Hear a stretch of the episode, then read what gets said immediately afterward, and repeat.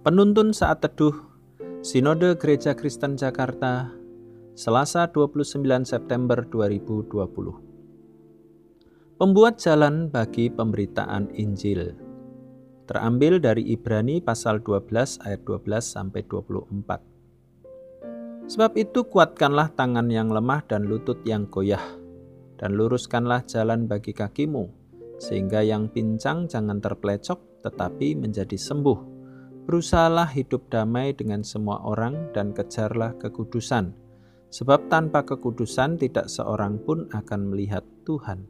Jagalah supaya jangan ada seorang pun menjauhkan diri dari kasih karunia Allah, agar jangan tumbuh akar yang pahit, yang menimbulkan kerusuhan dan yang mencemarkan banyak orang Janganlah ada orang yang menjadi cabul atau yang mempunyai nafsu yang rendah seperti Esau, yang menjual hak kesulungannya untuk sepiring makanan.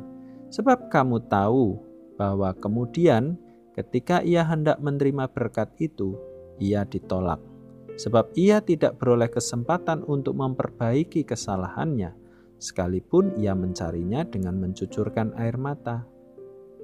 Sebab kamu tidak datang kepada gunung yang dapat disentuh, dan api yang menyala-nyala kepada kekelaman, kegelapan, dan angin badai, kepada bunyi sangkakala dan bunyi suara yang membuat mereka yang mendengarnya memohon, supaya jangan lagi berbicara kepada mereka, sebab mereka tidak tahan mendengar perintah ini. Bahkan jika binatang pun yang menyentuh gunung ia harus dilempari dengan batu, dan sangat mengerikan pemandangan itu, sehingga Musa berkata, "Aku sangat ketakutan dan sangat gemetar."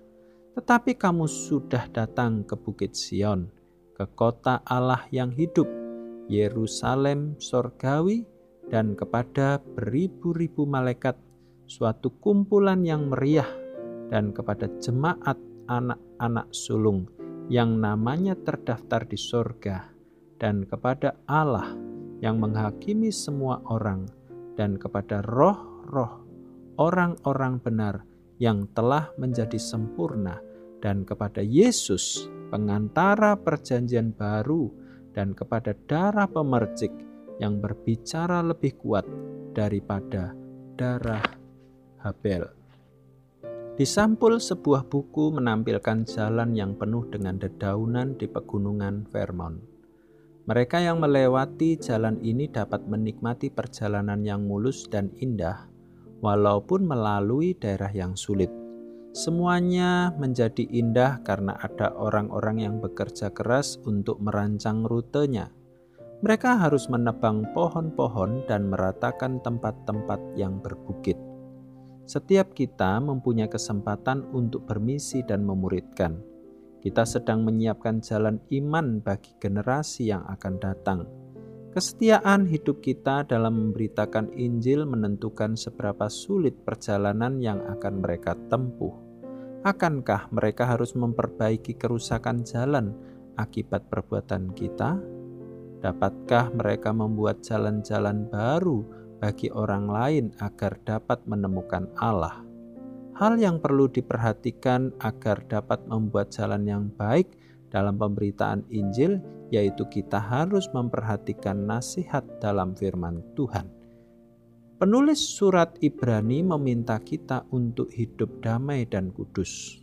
Tujuannya pertama, supaya tidak ada seorang pun yang tidak menikmati rahmat Allah. Kedua, untuk mencegah tumbuhnya akar kepahitan yang menimbulkan kerusuhan serta mencemarkan banyak orang.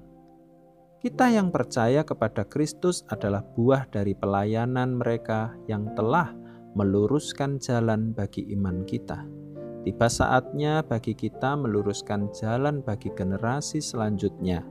Kita harus memberitakan Injil Kristus dan mempraktikkan iman kita.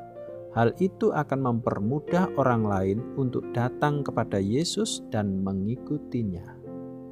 Hidup yang dipersembahkan bagi Allah meninggalkan warisan kekal bagi generasi selanjutnya. Tuhan Yesus memberkati.